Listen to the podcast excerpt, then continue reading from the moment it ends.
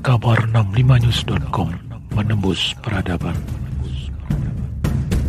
Saya meninjau banjir di Provinsi Kalimantan Selatan yang terjadi di hampir 10 kabupaten dan kota.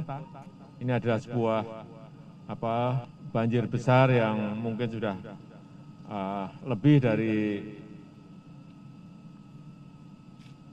50 tahun tidak terjadi di Provinsi Kalimantan Selatan. Curah hujan yang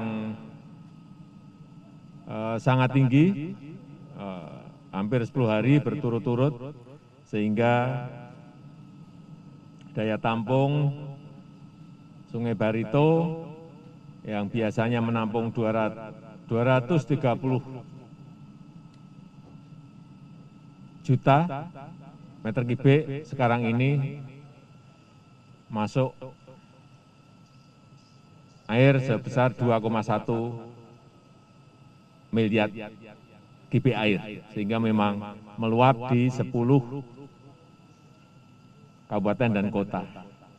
Saya ingin memastikan ke lapangan, yang pertama mengenai kerusakan infrastruktur yang memang terjadi, ada beberapa jembatan yang runtuh seperti yang kita lihat di belakang ini. Ini juga salah satu jembatan yang uh, runtuh akibat banjir dan tadi saya sudah minta ke Menteri PU agar dalam uh, tiga empat hari ini bisa diselesaikan sehingga mobilitas distribusi barang tidak terganggu.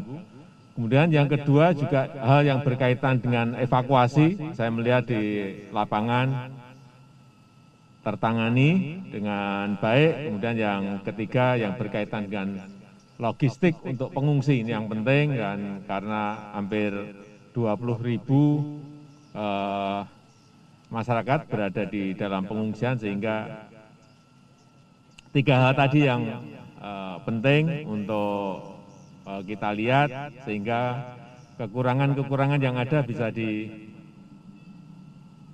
dari pemerintah pusat selain juga dari